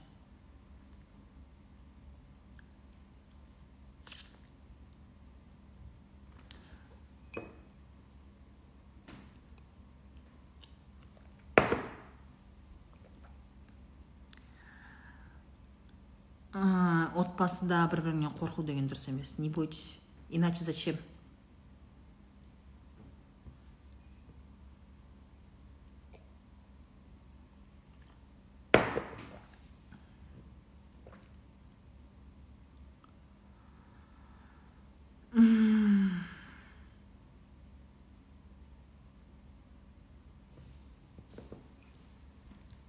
Миы нормальный еркек сіздің айтқаныңызбен келіседі. Менің эфирларымда жалпы маған жазылған ер азаматтардың бәрі естері нормальный есі басы дұрыс. Таких парней очень много. Я понимаю да очень много адекватных парней которые тоже не понимают. Олар бүйтеді мынандай жігіттер бар да маған жазады или былай көріп қаламыз өткенде форумда да біраз көріп қалдық қой. Маған айтады үйленуге жалпы үйленуге жүрексінемін дейді да. Өйткені қоғам айтады бізге жаңағыдай әйелді мысалы еркектер достарым да айтады дейді әйелді бастан қатынды бастан деп айтады. Қатынды бүйтіп ұстау керек үйтіп ұстау керек бүйту керек. Әйтпесе ол ол ол әбден андай есіреді ол мені ә, жаңағыдай басынады деген сияқты әңгімені тыңдаймын дейді бірақ дейді жігіт айтады маған. Бірақ мен түсінбеймін онда мен әйелді басынатын болсам ол оның несі отбасы? дейді да оның несі махаббат? дейді маған айтады жаңағы жігіт. Разве любовь это вот это? Он у меня спрашивает. Сонда мен өзімнің сүйгеніме үйленсем мен оны басынып отыруым керек па? Мен оған бүйтіп бір контроль жасап мен оған бастық болып отыруым керек па? Мен ондай болғым келмейді дейді. Ал егер мен үйленгеннен кейін ертең мен оны басынып сөйтіп контроль жасамасам онда мені жолдастарым қабылдамайды ғой. Онда мен мені біреу подкаблучник деп айтады мен нормальный жігіт болғым келеді мен нормальный ер азамат болғым келеді мен әйеліммен ә, ауызбіршілік болған қалаймын мен оны басынып оны контрольда ұстағым келмейді бірақ бізде барлық еркектер әйелдерін контрольда ұстау керек деп ойлайды ғой дейді сөйтеді маған жігіттер ше им тоже непонятно как строить адекватные отношения. Еркектердің әлемінде өздерінің стереотиптері жетеді жаңағы еркектер бір біріне ше ей қатынның каблуктың астына не пропискаға тұрып алғансың ба? Сен шықпайтын болыпсың ғой қатынның етегінің астынан. Еркек болудан қалыпсың ғой деген сияқты стереотиптер өте көп жігіттердің ортасында ше. Жалпы қарым қатынасқа қатысты әйелді басыну керек әйелге бастық болу керек қатынды бүйтіп ұстау керек деген сияқты стереотиптер өте көп өте көп. И нормальный адекватный жігіттер түсінбейді да это разве любовь? Я не хочу таких отношений дейді да я не хочу. Мен равный болғым келеді мен сыйластықпен үйленгім келеді мен сыйласып өмір сүргім келеді бірақ қоғам бізде ондайды қабылдамайды мен түсінбеймін дейді да. И сондай жігіттермен де отырады осы жерде. Им тоже интересно кто же мой муж? Какой он адекватный мужчина? Қандай вот адекватный мысалы да ә, жаңағыдай я постоянно рассказываю да вот ну не постоянно я вот енді айтқым келмейді. Көбіне айтқым келмейді. Сұрақ қойған кезде арасында айтасың енді. Жалпы ә, өзімнің қарым қатынасым туралы да. И оларға да қызықты. Как это? Иә өйткені бізде қоғамда жалпы қоғамда нормальный адекватный отбасы отбасының рол модель жоқ та ролевой модель жоқ бізде. Жалпы біз көз алдымызда ондай үлгі жоқ нормальный отбасы. Бізде мынандай не еркек ақша таппай бейшара болып әйелі езіп отырады оны иә бүкіл туған туысқандар. Немесе ол көп табады да көп табады бірақ та ә, жүреді. Жүргіш жәлеп еркек екінші қатын алады бір бәле. Сол ғой жаңағы бізде қазақ байыса қатын алады деген сөздер сондай да. Яғни бізде еркектердің екі ақ типі бар. Не ақша таппайтын диванда жататын андай әбден андай ручной үйдің үйдің үйдің күшік болатын сондай еркек немесе жаңағыдай қатын алғыш. Ақша табады бірақ қатын алғыш. Бірақ ақшаны да табады. Отбасына да берік адал. Адекватный әйелін езбейді абьюзер емес. Екеуі де еркін қалыптасқан тұлға бола тұра дұрыс қарым қатынас құрған модель бізде көз алдымызда жоқ.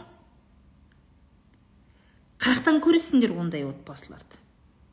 Сондықтан сендер сенбейсіңдер қыздар сол үшін сенбейді. И жігіттер де үйленуге қорқады. Олар да түсінбейді. Я не хочу быть абьюзером. Бізде вот здоровый ролевой модель жоқ. Даже блогерлар иә отбасылық блогерлар ә, өздерінің сол отбасылық өмірлерін көрсеткен кезде жаңағыдай әйелдер сразу замужем. Я за, за спиной своего мужа. Соның айтқаны болады. Соның ғана табысына қарап отырам соған деп. Сен атасына нәлет сен миллионник блогерсің ғой ақшаны сен тауып жатрсың ғой. Қоя қойшы осындай маскаларын кимей ақ қойшы өтініш екеуің бірге тауып жатқандарыңды айта беріңдерші. Сенің блогың арқылы ақша жеп жатқанын айта берші сондай ондай идиотский әңгімелер айтпаңдаршы пожалуйста. Қыздар қыздар күйеулеріңнің тілеулерін тілеп отырсаңдар өзі құдай өзі форточкадан әкеледі деген әңгіме. Қойыңдаршы сондай әңгіме не? Сол блогингті сен тауып отырсың ғой. Мен жасырмаймын ғой мен табатынымды мен өзіме ұнайтын нәрсені аламын. Все вот эти вот мои брендовые все то все то на что я бездумно трачу деньги. Айтамын ғой мен оны. Ал отбасыға керек нәрсеге? О оған уже күйеуім араласады. Барады мына столды аламыз мынаны алмаймыз деп. Неге? Өйткені ол отбасылық нәрсе. А все что я зарабатываю для своего удовольствия там не знаю на миллионы покупаю там бмв хочу Я на это, я жасырмаймын, я это сама заработала. Я очень сильно этого хотела и сама заработала. Қыздар, күйеуім маған бмв әперді. Ой, бізде блогерлер жетеді сондай ше. Өзі блогинг жүргізеді, өзі рекламаға ақша алады, сөйтеді да барады да луи виттон сатып алады да сосын. Қыздар, жаным маған алғашқы луи виттонды сыйлады деген сияқты қойыңдаршы өзің алдың ғой өзің алдың ғой сол луи виттонды айта берші өзім алдым деп сол біздікілер қарап отырады да. Так мхм дым істемейді. Бірақ күйеуі бәрін әпереді. Енді я хочу такой муж хочу. Жемичу хочу деп отырады сосын біздікілер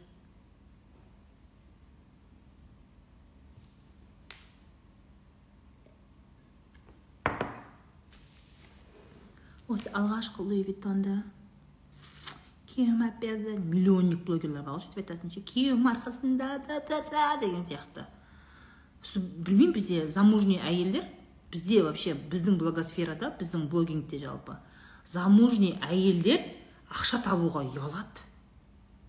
Бір бәле болса бір вообще ұялады ақша табуға өзі ақша табуға ше. Обязательно күйеуім әперді деп айтады өзім таптым деп айтуға болмай ма? Өзім таптым деп айтуға болмай ма? Неге ұяласыңдар отағасының арқасында махаббатым деп отырады. Айта берші өзім таптым деп. Почему женщины замужние женщины стыдятся зарабатывать деньги и присваивать деньги которые они сами зарабатывают? Что в этом такого? В этом нет ничего постыдного. Неме ұяласыңдар нормально это все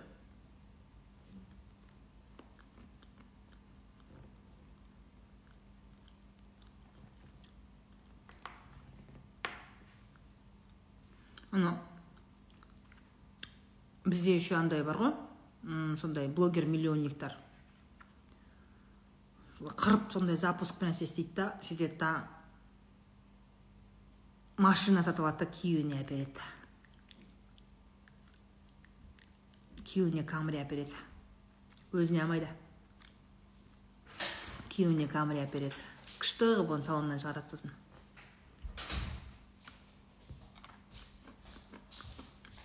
әйтеуір андай да? Білмеймін бізде қоғамда жалпы отношение туралы мәселеде біреу біреуге әперу керек. Не күйеуің әйелге әперу керек не әйел күйеуге әперу керек та. Әйтеуір постоянно білмеймін әйтеуір әперу сендердікі ше у вас как будто отношения и любовь построены только на подарках. Отношения и любовь они на подарках не строятся. Подарки нәрсе әперу это все ол бонус. Ең бастысы отношение болу керек. Жақсы көзқарас ең бастысы сол нәрсе болу керек. Бір біріңді сыйлау бір біріңнің көңіліңді түсіну сол нәрсе болу керек. Ал сыйлық гүл басқа нәрсенің бәрі ол бонусом идет сыйлық берсе ғана қарым қатынас бар деген нәрсе дұрыс емес. Это вообще неправильно.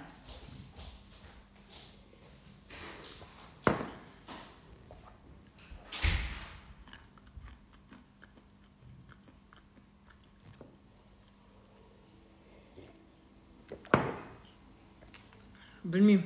У вас все оценивается. Менің жігітім мынандай берді дайсон берді. Если мысалда адина мен асел екеуі де жігітпен жүреді деп айтайық иә? Адинаның жігіті дайсон берді. Адинаның жігіті ресторанға апарды. Адинаның жігіті аптасына бір рет гүл жібереді. Әселдің жігіті ондай подароктар берген жоқ. Ну может быть подарил какое нибудь серебряное кольцо может быть айына бір рет гүл беретін шығар. Екеуінің де отношениесі жақсы бірақ. Но бізде қоғам ойлайды что адинаның жігіті адинаны больше любит деп ойлайды. Ал әселдің жігіті меньше любит деп ойлайды. Сонда махаббаттың өлшемі подаркамен ба сонда? Вы нормальные вообще? Это вообще нормально вообще? Вот. Бөлетін болсаң что я орехи кушаю девочки?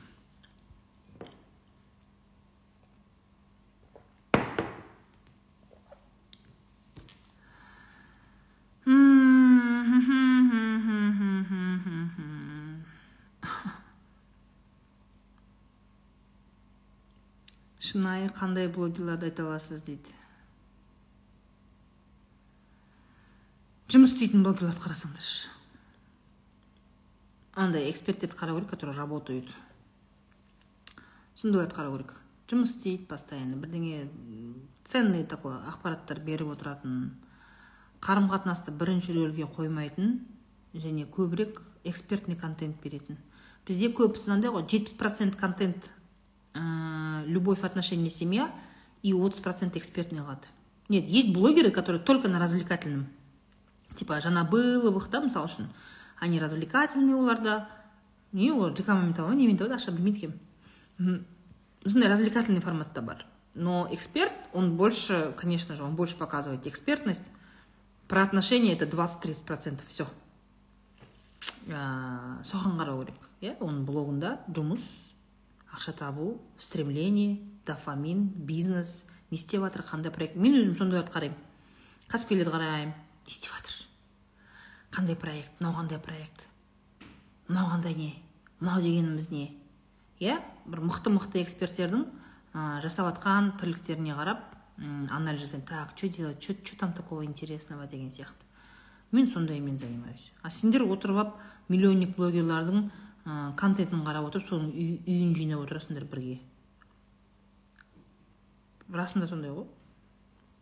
Смотря вот не жесең вот ты то что ты ешь дейді да? Мысалы не жесең сол нәрсе боласың дегендей. Сол сияқты контент ретінде что ты потребляешь? Басқа блогерлардың жаңағы жаңағыдай не үй бала шағасы то все сондай ма? Я подписана на таких миллионников но они меня интересуют не их контент а в целом их стратегия действия. Олардың маркетингі маркетинговый инструмент стратегия ә, креативный индустрияда не істеп жатыр только сол көзқарастан қараймын. А так вообще маған қызық емес соны. Жаңағыдай қанша рет туды гендер пати бір бәле деген. Мне это не интересно работа. Работа. Только работа.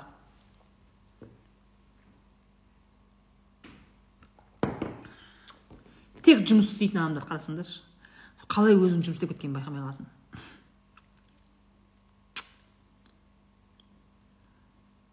Только сіз дейді. Рахмет гүлеке. Ақша туралы қараймын. Өте дұрыс. Ақша жұмыс білім сондай контент қарасаңдаршы контентте выбор көп қой. Но сен қандай контент қабылдасаң сен сондай адамсың.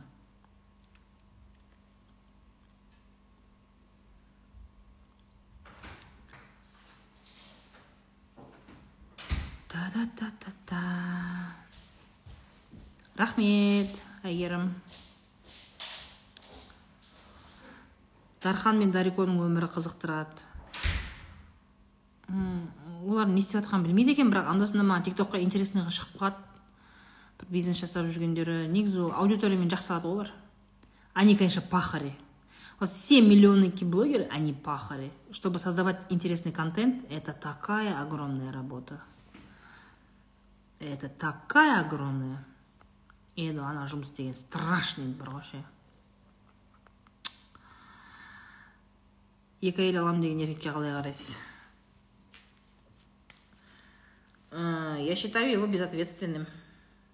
Бізде екі әйел аламын десе ойбай мына еркекте деген жауапкершілік деген жанып тұр ғой мына еркекте деп ойлайды да. Нет екі әйел аламын деген еркек это безответственный еркек все бізде извините қазақстан республикасының заңы бойынша бізде бір ғана неке заңды болып есептелінеді. Значит ол екінші әйел алатын болса ол оның алдында жауапкершілік отбасы яғни өзінің отбасысы ретінде ол әйелдің алдында ол жауапкершілік ала алмайды.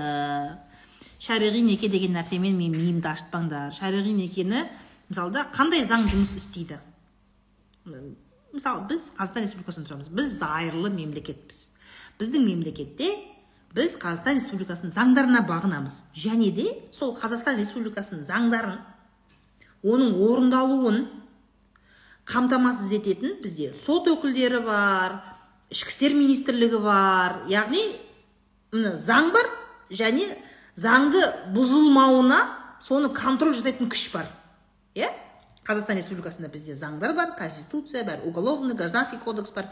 Осындай заңдар бар және сол заңдардың орындалуына и бұзылмауына жауап беретін орган бар бізде.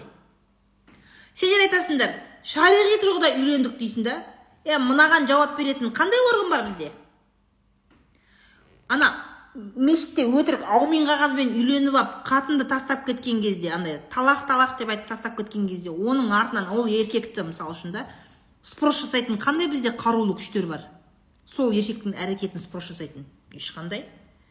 Өйтіп екінші әйел болып күйеуге тиген әйел ертең күйеуі тастап кететін болса онда сотқа бере алмайды ғой. Она не докажет? Заңның алдында екінші әйел бізде это любовница. Заңның алдында это любовница. Ол екінші әйел емес. И екі әйел алам дейтін еркек он безответственный. Ол соны біле тұра немесе заңды оқымайды топас. Біле тұра екінші адамның өмірін құртып отыр. Понимаешь? Я вот так вот отношусь. Кез келген заң қай кезде жұмыс істейді? Ол заңды контрольдайтын күш болса. Біз ә, ислами мемлекет емеспіз біз шариғат заңымен өмір сүрмейміз. Иә? Яғни дін мен мемлекет заңын бөле алу керек. Зайырлы мемлекеттің азаматтары сондай болу керек. Извините простите. На что закон работает? На контроль. Егер ол контроль болмаса бәрі бетімен кетеді ғой. Действительно ғой. Заңның алдында екінші әйел это любовница. Надо об этом так и говорить как она есть. Ұнай ма ұнамай ма осы жерде мүмкін екінші әйелдер бар шығар.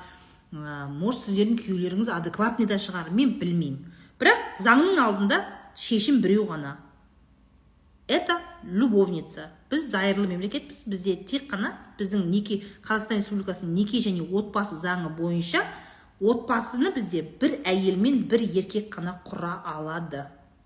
Болды. Қалғанның бәрі өтірік. Заңмен қорғалмаған фиктивность. Это просто я не знаю безответственность это ашына бір бәле короче любовница это.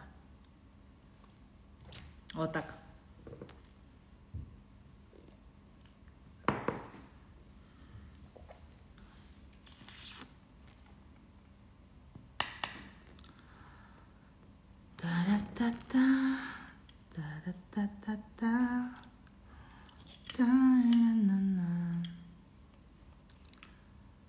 Мен ә, жолдастар ә, тек жарнама жасайтын адамдарды ғана блоктаймын. А так уақытым жоқ қалған хейтерларды хейтерлар отыра берсін. Я хочу чтобы хейтеры слушали сидели слушали бір тыңдайды екі тыңдайды үш тыңдайды и ойлары өзгереді. Вот. О ровно бір жарым сағат болды инстаграм отключил мои комментарии. Все я больше не вижу. Ничего. Қыздар запись экрана жасаңыздар деген сообщениеден басқа ары қарай сообщение келіп жатқан жоқ. Сол жолдастар рахмет. Бір жарым сағат өте пайдалы болды деп ойлаймын. Маған бүгінгі түнгі шай өте қатты ұнады. Сіздерге қалай болды? Егер ұнаған болса міндетті түрде осы сақталған эфирдің астында өздеріңіздің пікірлеріңізді жазып комментарий қалдыруға тырысыңыздар бұйырса тура осы эфир ютубқа және барлық подкаст алаңдарына шығады.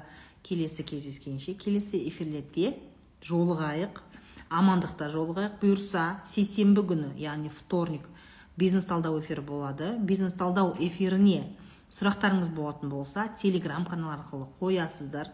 Эфирге келіп бизнес туралы маркетинг креатив стратегия туралы пайдалы ақпараттарды білсеңіздер болады. Бүгін сіздерді көргеніме өте қатты қуаныштымын.